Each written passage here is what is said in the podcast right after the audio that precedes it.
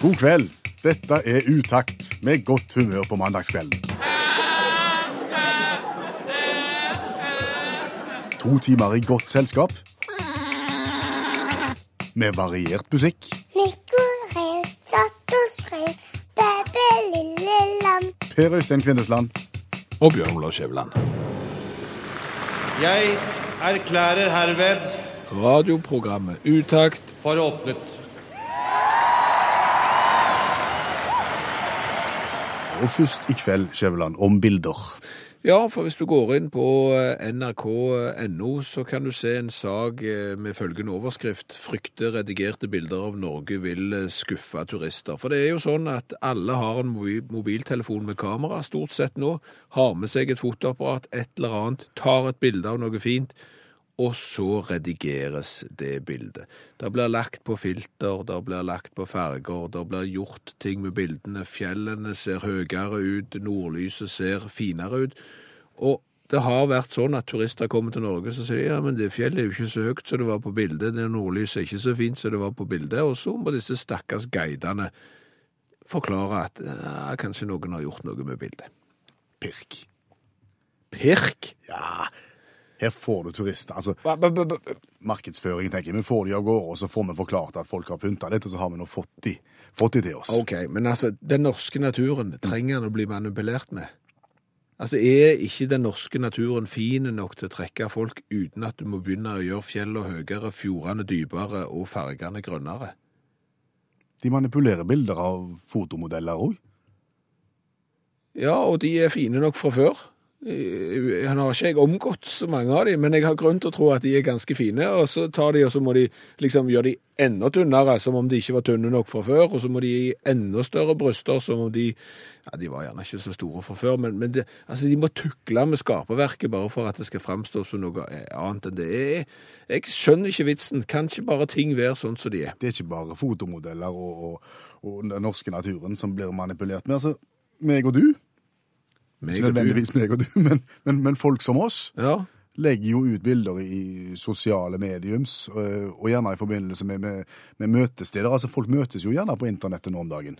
Ja, det er mye sånne sjekke- og datingsteder. Og, og tenk deg da så flaut, Per Øystein, at, at hvis du blir frista til å gå i den der eh, og at du skal vise deg fra ei side som ikke er din egen. Du rett og slett går inn og, og tukler med, med bilder av deg sjøl for å fremstå mye finere enn du faktisk er. Hva, hva, tukler du med da? Nei, da gjør du deg eksempel tynnere enn du er, du tar vekk detaljer i bildet, sånn at huden din ser eh, stram ut, du tar gjerne og legger på noen muskler på overarmen, du legger gjerne på en tatovering og en liten eh, sixpack eh, rett over Calvin Klein-underbuksa di, sånn at det ser ut som liksom den stramme karen. Og tenk da, hvor flaut det må føles, når du da møter en eller annen på date da, med en rød rose i eh, i Knapphullet? Og så kjenner du ikke igjen han som står der. Fordi han er jo da litt bleikfeite, og er ikke den samme typen som er på bildet. Det tror jeg må være noe av det mest grusomme opplevelsen som Ja, fins. jeg ser den, altså. Jeg ser den. Men, men jeg tenker alternativet. Hvis du legger ut noe som er nitrist, som, som gjerne da er sannheten enkelte dager, og så får du ingen treff, så det er ingen som kommer, og ingen som får se roser i knapphullet. Er ikke det bedre da å trekke litt publikum, om ikke annet, og så, og så får du heller forklare litt, og så, og så jobber, du, jobber du inn den situasjonen der? Jo, men eh, OK. Nei, det er ikke det. For det fordi at det, hvis, hvis ingen kommer, da, så, så er det, det- det er dumt for deg. sant? Det, det er klart at det er et skudd for baugen sånn selvfølelsesmessig. Det ser jeg òg. Men det er klart at når du må manipulere med bilder av deg sjøl for å få folk til å liksom synes at du er interessant, så, så blir jo den der nedturen når de finner ut at du er en annen enn du er, den er jo enda større, tror jeg, den skuffelsen der, eh, enn en den når ingen kom. Okay. Så jeg, jeg Så, så mye publikum er dårligere enn intet publikum?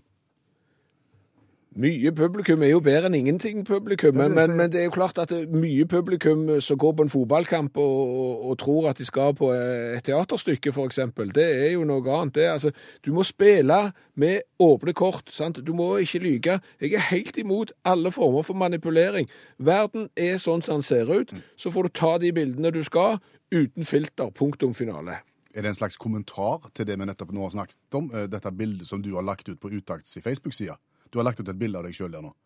Ja, det, det er bare for å vise at vi mennesker er skrudd sammen, vidt forskjellige. Altså, vi har alle våre skavanker. Vi, vi har alle altså, vi, Det er ingen som er perfekte på noe vis. og Så får vi bare leve med de tingene vi har. Sånn, det, sånn er det bare.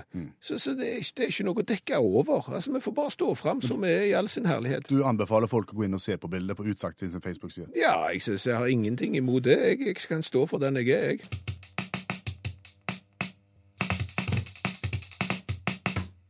Hvordan danser du karusell?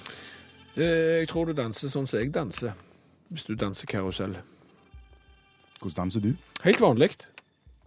Men, men, eh, men eh, jeg blir sjøsyk av min egen dans. Det tror jeg er å danse karusell. Helt vanlig dans, men, men du danser deg sjøl Er sjøsyk. det, er det vanlig der å være i stand til å danse seg sjøl sjøsyk? Nei, det er ikke det. men, men så, så, så dårlig er jeg. Du, En av fordelene med å lage radioprogram sent på kvelden, det er jo at en får gjort en del ting i huset før en går på jobb. Ja. Så i dag så har en støvsugd og, Du har støvsugd, ja. og gjort rent, Velt om. velt om, som en sier, Ja. og funnet ubetydelige mengder små, svarte gummikuler. ja. Og da er jo spørsmålet hvor mange i din husstand spiller fotball? Ja, eh, to, To, iallfall. Mm. Vi har tre, så vi har det samme problemet. Og hva er problemet? Problemet er at uh, dagens ungdom spiller fotball på kunstgrasbaner. Og kunstgrasbaner verden over, Norge rundt, blir dopa ned med små, svarte gummikuler uh, som ligger liksom nede i gresset, og som skal gjøre banen mer behagelig å spille på. Ja, og, så kan du som hører på radio nå, som eventuelt ikke spiller fotball på kunstgressbane sjøl, ikke har unger som eh, spiller fotball på kunstgressbane, tenke er det noe problem? Er nå det òg noe å klage over da? Svaret er et rungende ja. Ja, for jeg kan fortelle deg det, at i løpet av ett år, for eksempel, så kan tre til fem tonn sånne gummikuler forsvinne fra en enkel kunstgrasbane. Det er tall som Miljødirektoratet har regnet ut. Tre til fem tonn per kunstgrasbane. Ja. Og tenk deg hvor mange det er. Det er så mye gummikuler som så flyter rundt der i forskjellige støvsugerslanger, entreer og inngangsparti. Du aner ikke hvor, hvor en er i stand til å finne svart... Underbuksa. Ja, ja, ja, mye verre enn som så. De, de er overalt. Og de forsvinner jo altså de forsvinner i støvsugerslanger. De, men altså, en, en er jo nå bekymra for at de forsvinner ut i naturen. De kan forsvinne ut i kretsløp, og de kan havne rundt omkring på steder hvor vi ikke vil ha de, alle disse små gummikulene. Ja, for de kommer jo fra oppmalte bildekk. Og da er det jo utakt, som det innovative radioprogrammet det er, nå har løsningen på dette problemet. Ja, fordi at de må jo på en måte samles inn, resirkuleres. Det er vår tanke. Og for at det skal kunne skje, så må det jo en slags motivasjon til. Ja, gummikuler må få en verdi. For det er jo sånn at når du har drukket opp ei flaske med brus, så hiver du jo ikke den i entreen eller en annen plass. Nei. Du tar den med til butikken, og så panter du den, for det er godt for miljøet, pluss at du får penger igjen. Nettopp. Hva med gummipant? Ja, gummikulepant. Ja. Jeg mener, altså, du, de, de, de blir jo med hjem via fotballsko, via bager, via leggskinn, via fotballsokker overalt, og de legges som sagt rundt omkring. Hva om du soper de opp? Og så selger du de tilbake igjen. Ja, så du, du, det er mottak for den slags. Ja, det er klart det er gummikulemottak, eh, og så veier du, og så, så får du betalt. For det er klart at disse gummikulene forsvinner, så forsvinner, de må jo erstattes på, på en fotballbane. Og det er klart at det koster penger. Mm. Ja, ja. Og det er klart at hvis du da heller kunne betalt for eh, eh, allerede brukte eh, gummikuler, så, så, så det, det er jo en vinn-vinn-situasjon. Ja, ja, ja. Så her kan det være automater, her kan det være hva som helst. Og jeg ser også for meg, kunne en fått et slags sånn pantelotteri? Ja, at du kan velge om du vil gi eh, Altså, du tar gummikulene selvfølgelig tilbake til banen, så kan du enten få pengene sjøl eller gi dem til Røde Kors. Ja, det kan du gjøre, men også tenker jeg, hva om, for det er jo vanlig, om, om, om en kunne, kunne en ha pregt inn et eller annet, kunne en lagt en liten gevinst på ei og annen gummikule? På, på ei, de er ganske små. Ja, jeg er klar over det. Ja, de er veldig små. Veldig, veldig små. Men, Men- men en, liten, en lite tall, En liten gullball Ja. på, så sier en tur til Syden eller noe sånt. så har du vunnet. Altså, dette her er genialt, Per Øystein.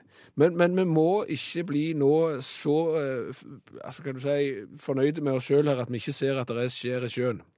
For det er der. Ja, muligens. Der, der er et problem som jeg ser, som vi, vi nok må se om vi kan få en løsning på. For det er klart at hvis disse gummikulene får verdi, Ja. så vil jo folk dra opp til fotballbanen på sein kveldstid når flomlyset er gått, og så stjele de, for så å gå og pante de. Og omsette på det illegale gummikulemarkedet. Ja.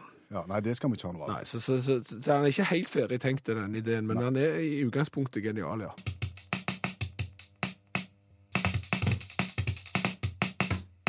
Ordtak, Skjæveland. Liten tue kan velte stort lass. Ja, da sier jeg liten plastdings kan ødelegge mikrobølgeovn. Det blir litt av det samme. Ja, på en måte Ja. eh, så er det det. Eh, Fordi at eh, hjemme så har jeg en mikrobølgeovn, og den har jo en sånn en knapp som du trykker på for å starte den. Ja. Eh, Og den virker ikke. Nei, det er det som er plastingsen? Nei. Nei. Nei, altså selve knappen virker, men holderen til knappen virker ikke. Nei. Eh, Og og jeg kunne lagt forklart innstendig hvordan dette virker, men den som holder knappen på plass, det er en liten sylinder av plast eh, som bare skal stuttes inn i et hull. Og- den er omtrent på størrelse med tuppen av lillefingeren min. Så stor er den lille plastsirkelen som skal dyttes inn i et hull. Og da virker mikroovnen igjen når den er på plass. Akkurat, så du har skaffet deg nye. Er vi ferdige nå? Nei, det er nå vi begynner. For nå har vi forklart problemet, og så skal vi forklare problemet ytterligere. Akkurat. Fordi at det var denne lille dingsen som mangla for at mikroovnen min skulle virke. Mhm. Eh, Og etter mye om og men, så Jeg henger de ut, jeg, altså. Det her er en Ikea-ovn. OK. Eh, Men det er jo ikke Ikea ikke Nei, det var det jeg skulle spille. Nei, de gjør ikke- det. De klistrer merket sitt på noen andre sitt. Så enten er det Whirlpool, eller så er det Bosch, eller så jeg vet ikke hvem det er. Men det er iallfall det.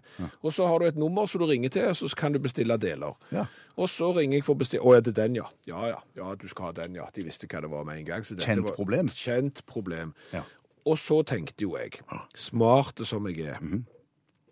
Jeg gjorde det med gåseøyne for de som ikke ser det på radio.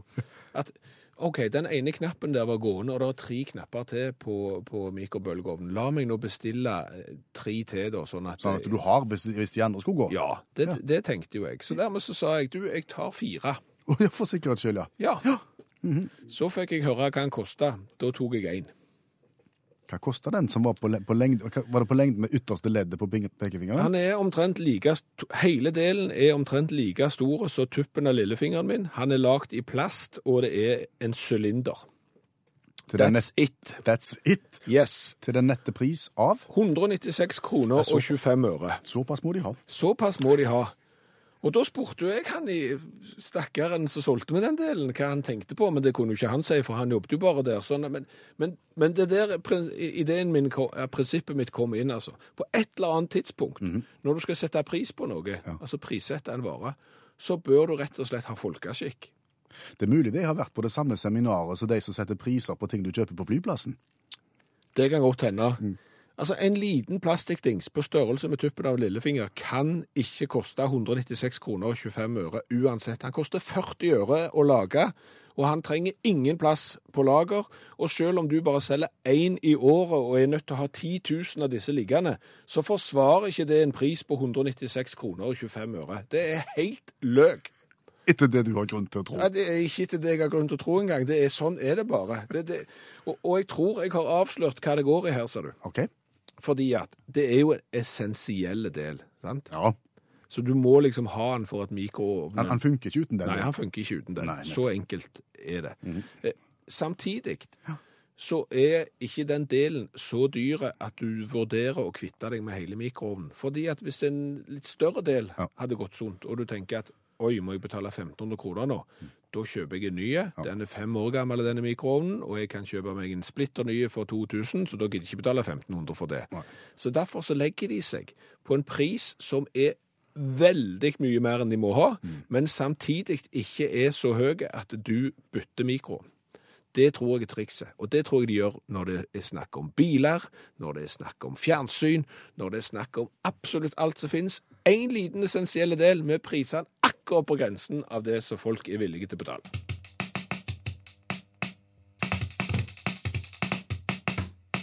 Scandal Days ifra a-ha. Fantastisk låt, Skjæveland.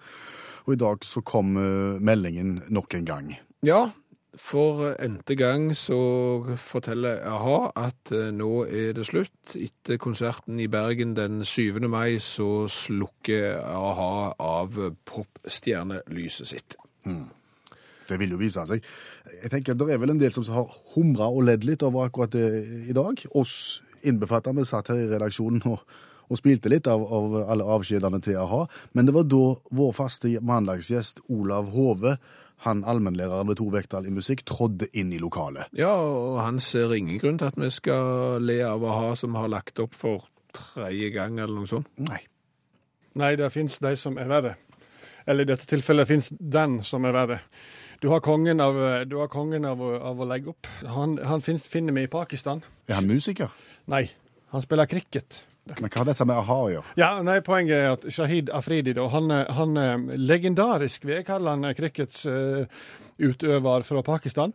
Uh, han, han spiller alt, alle formene for cricket. Det finnes jo mange typer cricket. Og i 2006, uh, eh, den 11. april, altså for nøyaktig ti år siden, så la han opp eh, i såkalt testcricket. Det er sånn som du spiller i dagevis. Ok, det er, ikke, det er noe annet enn vanlig cricket. Test cricket. eh, test-cricket er sånn som de beste spiller, de beste nasjonene. Men, men han ville slutte med det, for han syns det, det tar jo lang tid. Ja. Det tar jo fort i uke å spille en kamp, da. Og det er jo ikke særlig, så han ville konsentrere seg om familien eh, og trappa ned, da. Og så ville han spille noe cricket som heter ODI. Det er ja, det er, kan du si, cricketen sitt svar på lynsjakk. Det er sånn som varer en dag, liksom. Filleting. Ok. Kvikkas cricket. Så i 2006 la han opp. Så gikk det 14 dager, og så gikk han ut i avisen og sa at «Nei, jeg tror kanskje ikke jeg skal Jeg tror det var litt forhasta. Jeg er jo enda en ung mann, 26 år. Jeg tror jeg fortsetter. Eh, Så spilte han en kamp, eh, eller to, i, i, i april og i mai, og så la han opp eh, på nytt 1. juli. Eh, Jeg orker ikke mer. Men så, ja du vet, sant. Sagmugg og, sagmugg og, og, og, og, balltre, det er fristende. Så han gjorde comeback i 2010. Og han var vekk i fire år. Nei, han spilte litt sånn annen cricket, vet du. Litt, Ok, litt sånn, litt sånn eh, Dagcricket. eh, Ja. ODI, som det heter. Ja. Eller 20 over, så det er òg en annen versjon. Det er mer sånn, hvis du tenker langrenn og sprint, så har du 20 over. Ok. Uh, men iallfall, uh, eh, så gjorde han comeback i 2010. Spilte én kamp, til sånn testcricket. Ja, så gikk 14 dager der. Ja, så la han opp Nå var det nok. Ja. Så da la han opp for tredje gang i juli 2010. I 2011 så var det VM, vet du. Sant? Og da var det tittelforsvarer. De hadde jo vunnet med åtte gjerde året før. Og, og, og da tenkte jeg nei, ja, jeg kan slenge meg på. En liten Det er ikke verre, det er ikke verre, liksom. Så, eh, men så tapte de finalen da mot India. Ja. Og det er som å tappe VM-stafetten mot Sverige. sant? Viktig med kjente referanser her. Da tror jeg vet hva han gjorde. Ja, Han la opp. Ja, for, ikke fordi de tapte finalen, men han mista kapteinsbindet og forbundet. Og da tenkte han OK, hvis alle skal rotte seg mot meg, så gidder ikke jeg mer. Jeg tar og legger opp, jeg. Så la han opp da for fjerde gang, og nå la han opp for i, med all cricket. Nå var det ferdig. Nå skulle han hjem til kona, nå skulle han ha føttene på bordet, nå skulle han slappe av. Ah, så var dette her i fem måneder, da. Så fant han nei, vet du hva, hun kona mi Vi bør ikke snakke så mye, kanskje, for det, nei, det ble mye rot. Så eh, etter fem måneder så sa han nei, nå jeg aldri vært så motivert før. Ekstremt motivert, nå er jeg klar. Så i 2012, da, året etterpå, så spilte de en runde mot Sri Lanka. Han var ikke på topp, vet du, og allerede tidlig i den runden, da, så sa han jeg lurer på om ikke det er på tide å slippe til ungdommen, altså. Jeg føler meg gammel. og Nei, jeg, jeg tror kanskje Jeg tror kanskje jeg skal Jeg tror kanskje jeg skal gi meg, altså. Så når de var ferdig med, Rett før de var ferdig med runden mot Sri Lanka, så jeg deklerte han jeg gir meg. Nå er det slutt. Eh, Jeg veit det er femte gang, men nå tuller ikke jeg. Nå slutter jeg. Nei, men vi er jo ikke kommet til 2016 ennå, så da er det som nei. forteller meg at dette går et par runder til. Ja, for her gikk det Her snakker vi om timer, da. Fra han la opp til han begynte. at- For han ble overtalt, da. Eh, eh, Men så sa han Og dette er 2012. Jeg veit jeg, vet jeg har slutta fem ganger, jeg vet det, og jeg veit at jeg skal fortsette nå, men jeg skal slutte hvert øyeblikk. Og hvert øyeblikk for Shahid Afridi varer i tre år. For i 2015 da gikk han i pressekonferanse, kalte inn til pressekonferanse og sa at nå skal jeg gi meg. Nå er det slutt. Eh, Det er sjette gang. Men det er jo VM neste år, så jeg tenker jeg skal gi meg litt nå, og så skal jeg gi meg helt etter VM i 2016. Det blir avskjedsturneringen min.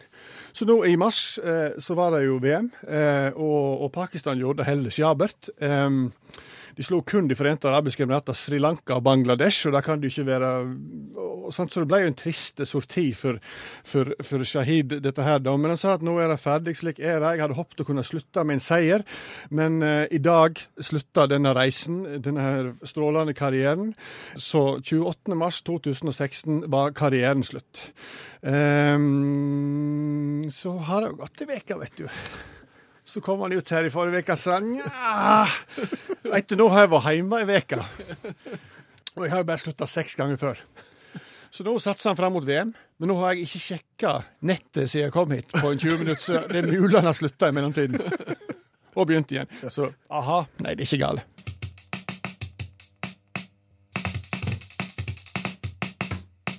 Jeg har en kjenning som var ute i krydderæren her en dag. Skulle ut og handle krydder. Skulle ha safran. Kjekt for han. Ja. Og vet du hvor han gikk for å handle safran? Han, Ikke peiling. han gikk på apoteket. Han gikk rett og slett på apoteket for å handle safrankrydderet. Det er helt naturlig at skal du ha krydder, så går du på apoteket. Det var første tanken som slo deg. Selger de annet krydder på apoteket Nei, Det var det jeg begynte å tenke på nå. Jeg begynte å spole i mitt eget hode. Jeg er ikke friskere enn at jeg har jo vært på et apotek en gang, og jeg kan ikke huske å ha sett krydderhuller på apoteket. Liksom eh, Piffi og penicillin? Piffi og penicillin sammen, sammen med litt Ibux og, og eh, gastromat, Nei. som jo er et alle tiders eh, blandingskrydder. Nei, men, men hva, hva skyldes dette, da? Nei, nei, jeg, ble usikker sjøl. Altså, safran er jo ikke et hvilken som helst krydder.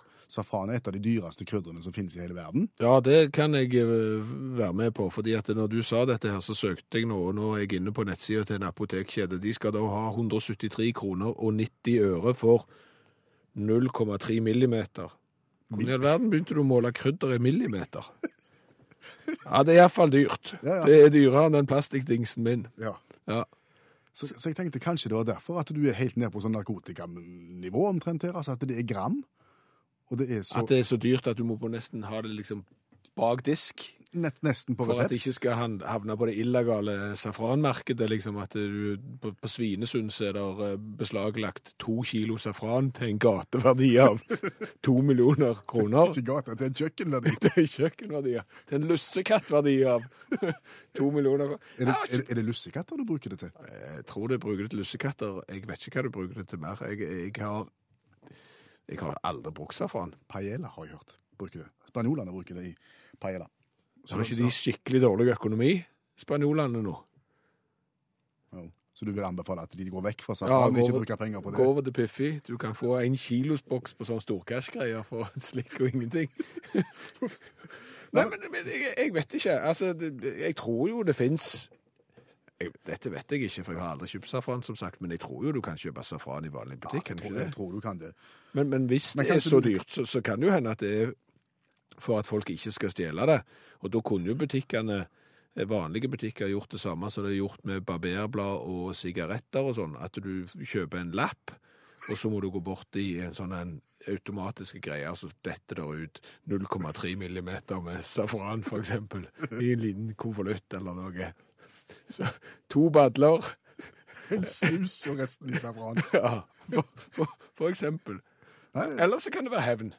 Hevn apotekenes eh, hevn over over kolonialbutikken. fordi Fordi at nå er det jo sånn at du kan gå i en vanlig butikk, og så kan du kjøpe deg dis- det er ikke Desperil, men du kan kjøpe glo, Globoid, mener du? Globoid, ja. Og du kan kjøpe smertestillende nesespray og litt sånn apotekvarer og hostesaft, sant? Ja. Og dermed så tenker sikkert apotekene at hvis de skal ta næring fra oss, så skal vi ta næring fra de. Så safran er bare første steget på, på veien. Og før du vet ordet av det nå, så har du borte sammen med resepten der, så har du brød og sånn brødskjærer nede i hjørnet på apoteket.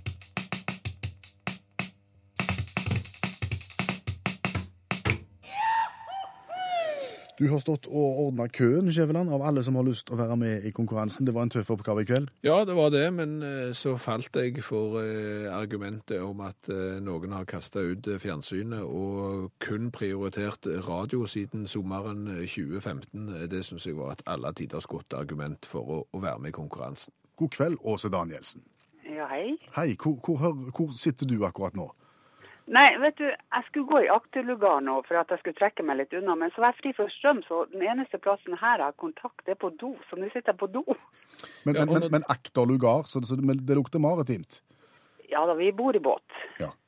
Så du, eh, og det var derfor jeg sa det, du flytta i seilbåt sommeren 2015, heiv ut fjernsynsapparatet og, og har gjort radioen til en følgesvenn, og, og utakt får lov å være med på det følget. Ja, det er hver mandag så er det utakt. Så direkte fra doen og øh, om bord i båten, så skal vi nå dra i gang konkurransen. Og, og, og reglement, Skjæveland, skal vi ta det? Det er veldig enkelt. Jeg har elleve spørrebøker foran meg. Åse velger en av de, så tar vi et vilkårlig spørsmål. Svarer Åse rett, så får hun gladjodling. Svarer hun feil, så får hun tristjodling. Men uansett så skal hun få lov å gå sprada i en 50 fots båt i utakt-T-skjorte med V-hals. Ja, det blir kjempekult. Da drar vi rett og slett i gang. Da du skal få velge. Du kan velge mellom Ja, et tall fra 1 til 11. Ja, da tar jeg tre. 3. Så havner du på barnas egen spørrebok nummer 9. Den er fra 1963. Ja vel. Og der er det 48 sider å velge i. Da tar vi side 14. Hvor var du hen i 1963? Da var jeg i ryggen på faren min. Akkurat. OK. Ja, Vi går ikke inn i mer detaljer om akkurat det. Det er sånne tanker vi ikke vil ha. Eh, og da har du fått eh, rett og slett den kategorien som heter himmel og jord. Der er 25 spørsmål himmel og jord. Ja. Tar jeg spørsmål 12? Hva er det Cuba utfører så kolossale mengder av? Hæ? Utfører? Ja, det er eksporterer, da. Det er det 1963-ordet for eksporterer. Hva er det Cuba eksporterer så kolossale mengder av? Nei, det må være sigar. Oi sann. Nei. Nei. Var det ikke sigar? Nei. Sukker. OK. Det var sukker, ja. Ja, ifølge denne spørreboka her, eh, så eh, Er den skrevet av Peter Nødt? Den er skrevet av Peter Nødt, og det borger jo for kvalitet. Da er vi bare helt nødt til å stole på det. Ja, vi må det. Eh, Hvordan er det å bo i Seilbåtås? Er det greit? Angrer du at du solgte hus og heim? Nei, vi har det kjempeflott her. Men, men ligger dere på én plass, eller, eller farter dere rundt? Vi har hjemmehavn på Kråkerøy, men eh, vi prøver jo å bruke båten så mye som mulig. I helga så var vi på en kjempeflott tur til Strømstad. Ja.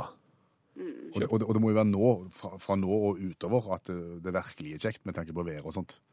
Ja. Jeg har faktisk sittet ute i dag på dekk og blitt litt solbrent på det ene øret. Så bra. Kjøpte du bacon i Strømstad, eller? Nei, vi gjorde ikke det. Oh. Vi, har, vi har vært der så mange ganger, så fryseboksen er full allerede. Vi har ti spørrebøker igjen også. Hvilken skal vi ta? Da tar vi nummer to. Da tar vi nummer to. Det er da Quiz-giganten. Der er det hele 407 sider. Da tar vi 400. Og det er ABC litteraturquiz. Ti spørsmål. Ja, da tar vi spørsmål nummer én. Nummer én. Hvor mange bind utgjør Alexandre Dumas eh, samlede skrifter? Er det ca. 30, er det ca. 130, eller er det ca. 300? Ja, det er Sikkert ca. 300. Ja, jeg, jeg likte best de første 290, jeg, men eh, jeg syns jeg mista litt eh, taket på det på de siste ti. men det var helt rett. Det var produktive mann. Er ikke det sånn eh, litt også når det er tre alternativer, så det er alltid det høyeste? Ja, eller jo, det minst sannsynlige bruker det vel å være. Ja, akkurat. Vi er på oppløpssida. Vi har ett spørsmål igjen. Hva bok skal vi ta? Nummer seks. Nummer seks. Spørrebok for leseglade damer. Passer det? Mm, Nei. Nei. Du har ikke ei god bok med deg der du sitter på dekk og blir solbrent, altså? Nei, jeg sitter og strikker. Å, Og da strikker du Nei, det går i Mariushue, for det har jeg litt i fingrene. OK. Så det er mer sånn eh, bare sånn repetisjonsøvelse du driver på med? Ja. Ja. 143 sider. Hvor skal vi hen? 28. Det er garantert ikke om strikking. Det er nemlig det hvite rommet. Hvitt rom. Eh, Spørsmål 1 til 8. Uh, tre. Hvilken tittel ga Camilla Collett sin første polemiske essay? uff da. Jeg tar gjerne tre svar. Ja, det kan du ikke få.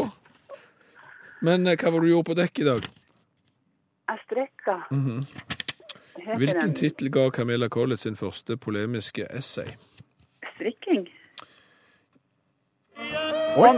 Ja, Altså, vi, vi, vi, vi er såpass greie at vi sier det var rett, for det var noen strikketøysbetraktninger. Ja, ja, men det, det Hva er sjansen? Hæ? Det, det var veldig nært, så. Ja, uhyre nært, Eddie.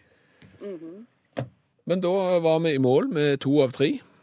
Ja, men Det- er jo ikke dårlig, det. Det er ikke verst det. Og så sender vi av gårde ei T-skjorte som du kan ha om bord i båten. Ja, men det er kjempeflott, det. Hvor går neste ferd med båten? Nei, det Dit vind tar oss. Ja. Har, har båten et navn? Den heter Pernille.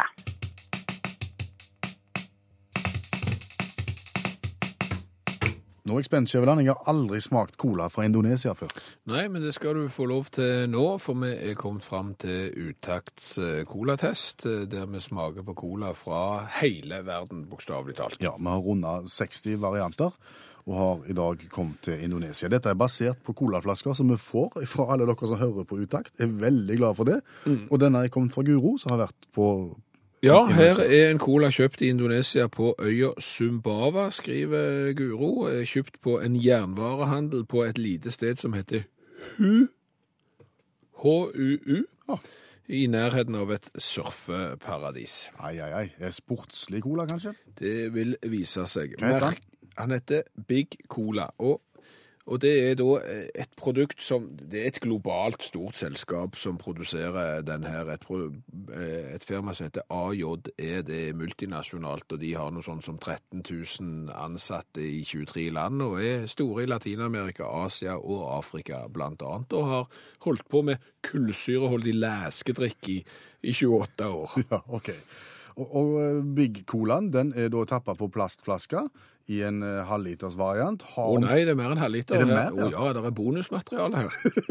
Extended version. Ja, det er 535 milliliter, så det her har du, får du litt ekstra. Akkurat. Den, men, men formen er ganske lik den tradisjonelle colaformen, og den har gule kork og gul og rød logo. Ja. Ja.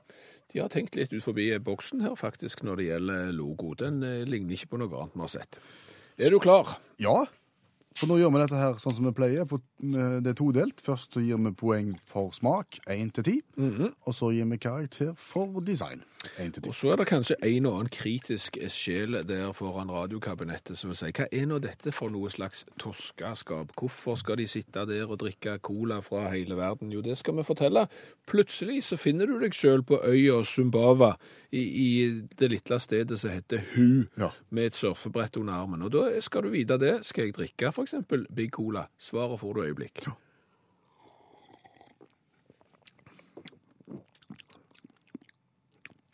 Du trenger ikke. Nei, du, du, tre- du, du trenger ikke. Såpe er det som slår meg. Ja. Kjenn den såpe etter smaken.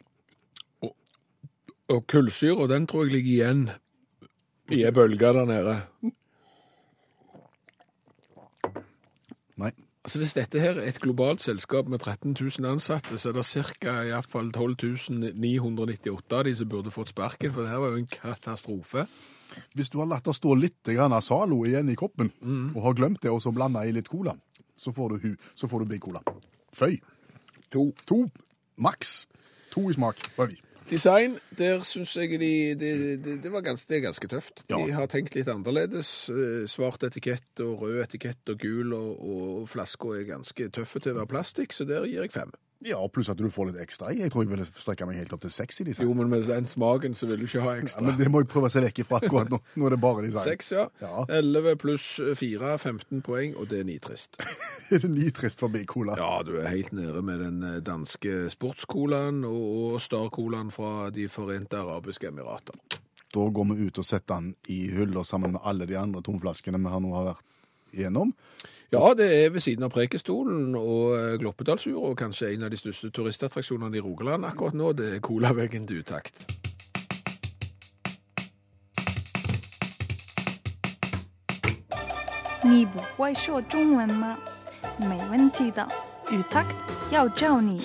Skjønner du ikke kinesisk?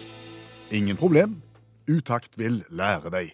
Vi er glad vi har Kjersti Hetland med oss fortsatt, Skjæveland, for det er hun som snakker på vignetten her på kinesisk. Ja, og, kinesisk er uhyggelig vanskelig, så det er ikke noe du liksom lærer på ei helg. Det må mange radioprogram til før du behersker kinesisk. God kveld, Kjersti.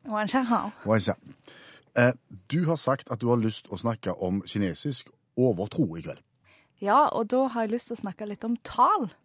Om tall? Ja, for kineserne de er ganske overtroiske, og eh, hva hva tall det er som du har i telefonnummeret ditt eller på bilskiltet, det har faktisk ganske mye å si. Er det noen andre tall enn 13 som er ulykkestall? Ja, for 13 er ikke spesielt, bringer ikke spesielt mye ulykke i Kina.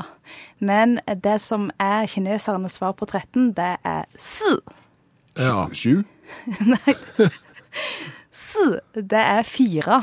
Og grunnen til at eh, dette er et skummelt tall i Kina, er fordi at si høres nesten likt ut som s. Og Og, det- og det vil du ikke ha. det, det vil du ikke ha, fordi s, det betyr nemlig død. Å, OK. Mm. Hva Så- gjør folk da når de har eh, fire i bilskiltet sitt eller i telefonkatalogen, eller? Nei, du unngår jo selvfølgelig det. Fordi at du kjøper jo bilskilt i Kina. Eh, du velger jo hvilken type tall du vil ha. Og så kjøper du òg telefonnummer. akkurat.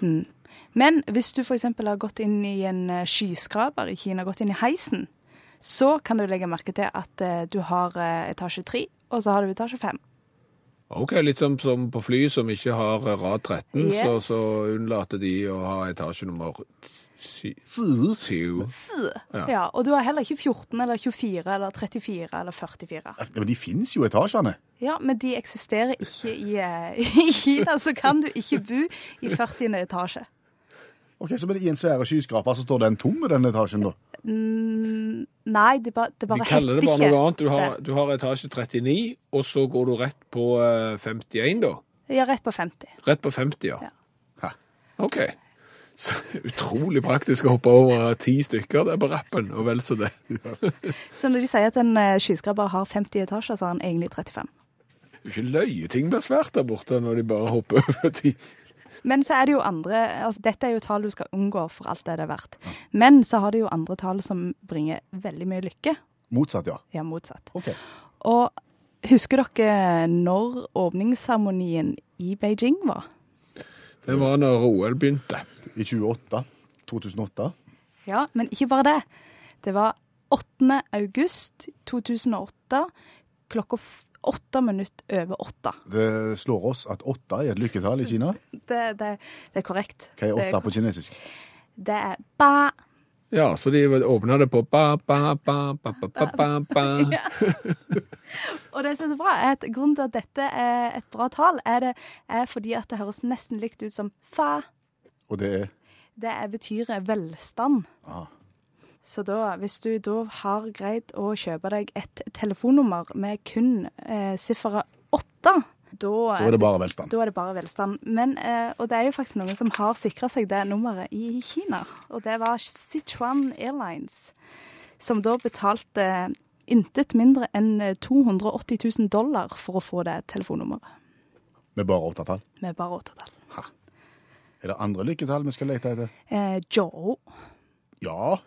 Joe, som da betyr ni. Åtte og ni. Åtte og ni. Begge de er bra tall. Hva er bra med nien? Eh, Joe, det kan både bety ni, eller så kan det bety noe som eh, varer for evig. Så i bryllup så er det jo lurt å få inn dette tallet ni på en eller annen måte. Så du skal egentlig gifte deg den 9. i 9. klokka ni minutter over ni. Ja, og du kan tenke deg hvor mange som gifta seg 9. i 9. 2009, for eksempel. Ikke langt flere enn de som gifta seg den eh, fjerde i fjerde klokka fire minutter over fire. For å si det sånn. Men det glemte jeg å si om eh, firetallet, for dette er noe folk må huske på hvis de skal til Kina. Hvis du gir noen f.eks. et brev der det står fire Hvis du f.eks. hadde gitt eh, Per Øystein et eh, brev med kun firetall, så vil det bli sett på som en drapstrussel. Oi sann. Da har vi lært noe i kveld òg, Skjæveland. Absolutt. Jeg skal unngå å skrive brev på kinesisk. Det er helt bombesikkert, det tør jeg ikke.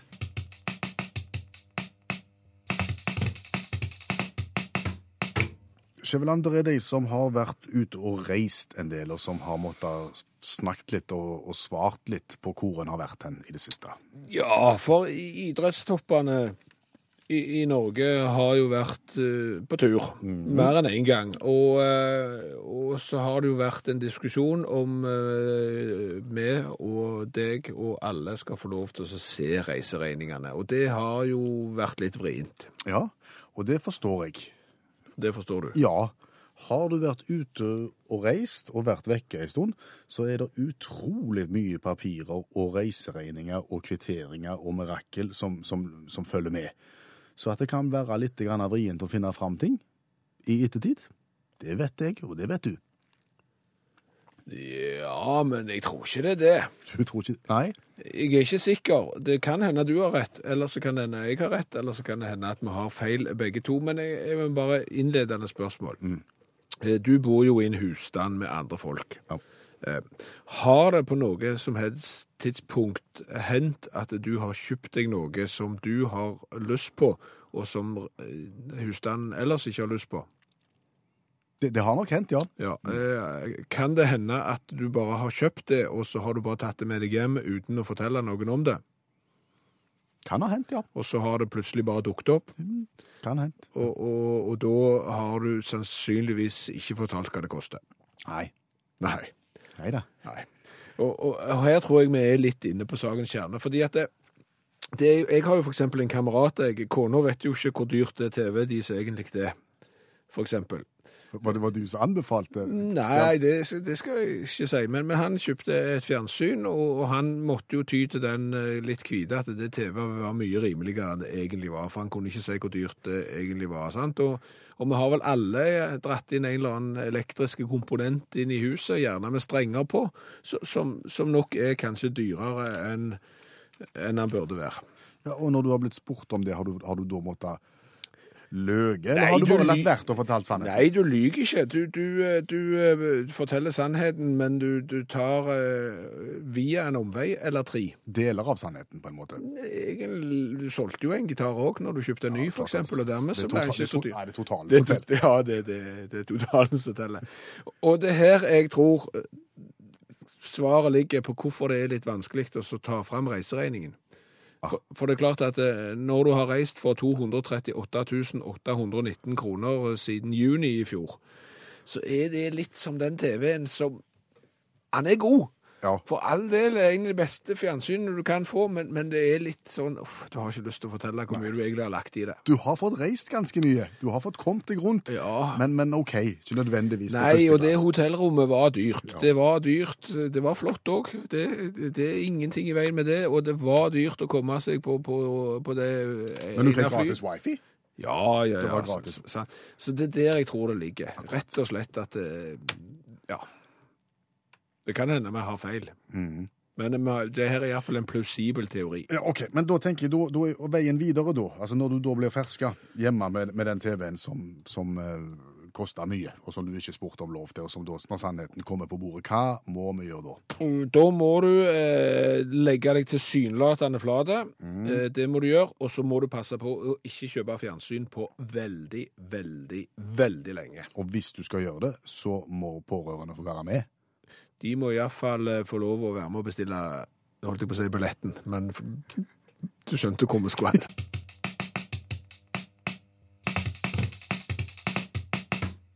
Jeg har lyst til å fortelle historien om, om han som elsker free falling på nachspiel. Kan, kan vi fortelle det? Han elsker free falling på forspill òg. Stemmer det? Ja, for vi var på i et selskap som begynte med forspill. Der kom det en bort med gitaren, spilte free falling, og så gikk han igjen. Og så gikk vi på det vi skulle på, og så kom vi tilbake seint, seint, seint, seint, sent på kvelden.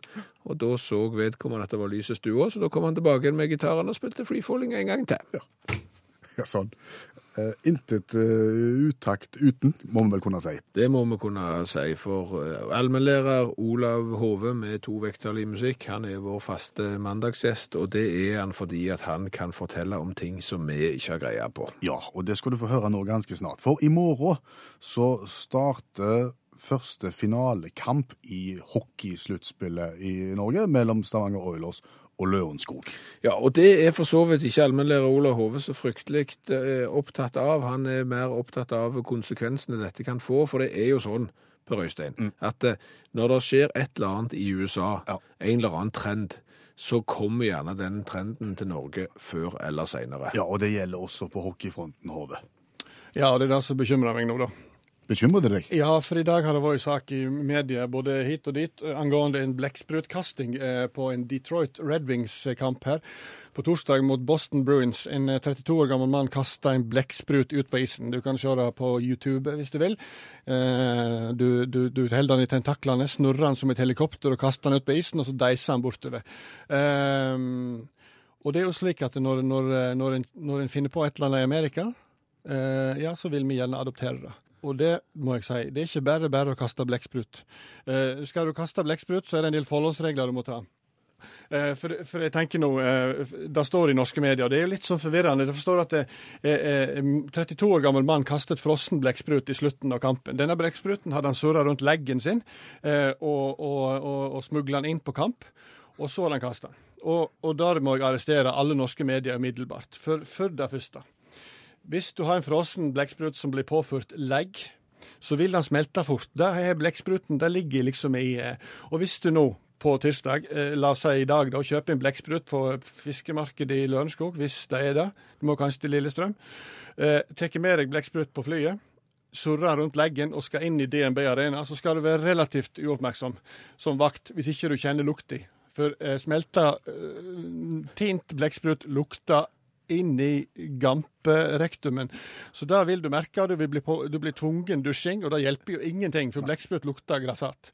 Så er det problem to. Har du fått den med deg inn likevel, eh, og du kommer til slutten av kampen, du, du demonterer den fra leggen din, svinger den rundt hodet og kaster den mot isen, så vil det si kladeis, og så sitter den helt fast I isen? i isen. Blekksprut mot is, det er som aralditt og eh, ja, hva det nå måtte være. Det går ikke. Og, og du må skjære den vekk. Det blir stopp i kampen og en med den andre. Og han vil òg eh, eh, utløse nokså mye blekk, så det vil bli et arr i isen med blekk. Så det går ikke an. Nei. Så Derfor så må du søke folk som har greie på det. Fiskehandler Alphonse C. Aron eh, har vært leverandør av kasteblekksprut i Detroit i en årrekke, helt siden 50-tallet. Og han sier da at du skal ikke bare kaste blekksprut. Det hjelper ikke. For det første så lukter det forferdelig, og for det andre så setter det seg fast i isen. Skal du kaste blekksprut, og nå henvender jeg meg direkte til Lørenskog og eh, Stavanger Oilers-fansen, så må du ta blekkspruten opp i kokende vann, og så må den fosskoke i 20 minutter. Du må tilsette litt sitronjuice og vin. Hvitvin, vel å merke. Hvitvin har den effekten at han fjerner odøren eh, på eh, blekkspruten. Og fosskokingen gjør at du får en slags eh, substans på blekkspruten som gjør at du vil skape en hoppeeffekt når han treffer isen. Så der har du det. Hvitvin fjerner odøren. Da kan du montere Trenger ikke være frossen, vet du. Du kan gå i flere dager, for da er den kokt. Ingen problem. Du kan montere den i Lørenskog. Du kan ta deg eh, øl på, i Gardermoen. Du kan flyge uten problem. Overnatte på et fint hotell. Gå inn på kampen om kvelden. Ta den av, kaste den ut på isen når den vil danse fint utover isen. Så sånn er det eh, Lørenskog og Oilers-fans. Eh, har de ellers andre ting de vil kaste som er vanlige, som rotte, hamburgere, biff og slike ting som de gjør i NHL, så bør de òg kontakte meg.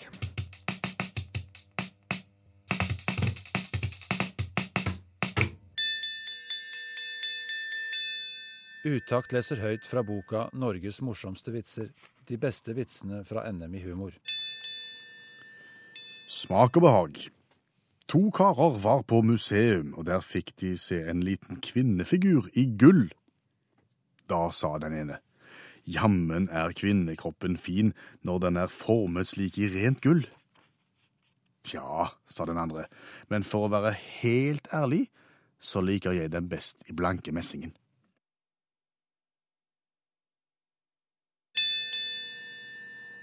Du har hørt Utakt lese høyt fra boka 'Norges morsomste vitser'. De beste vitsene fra NM i humor.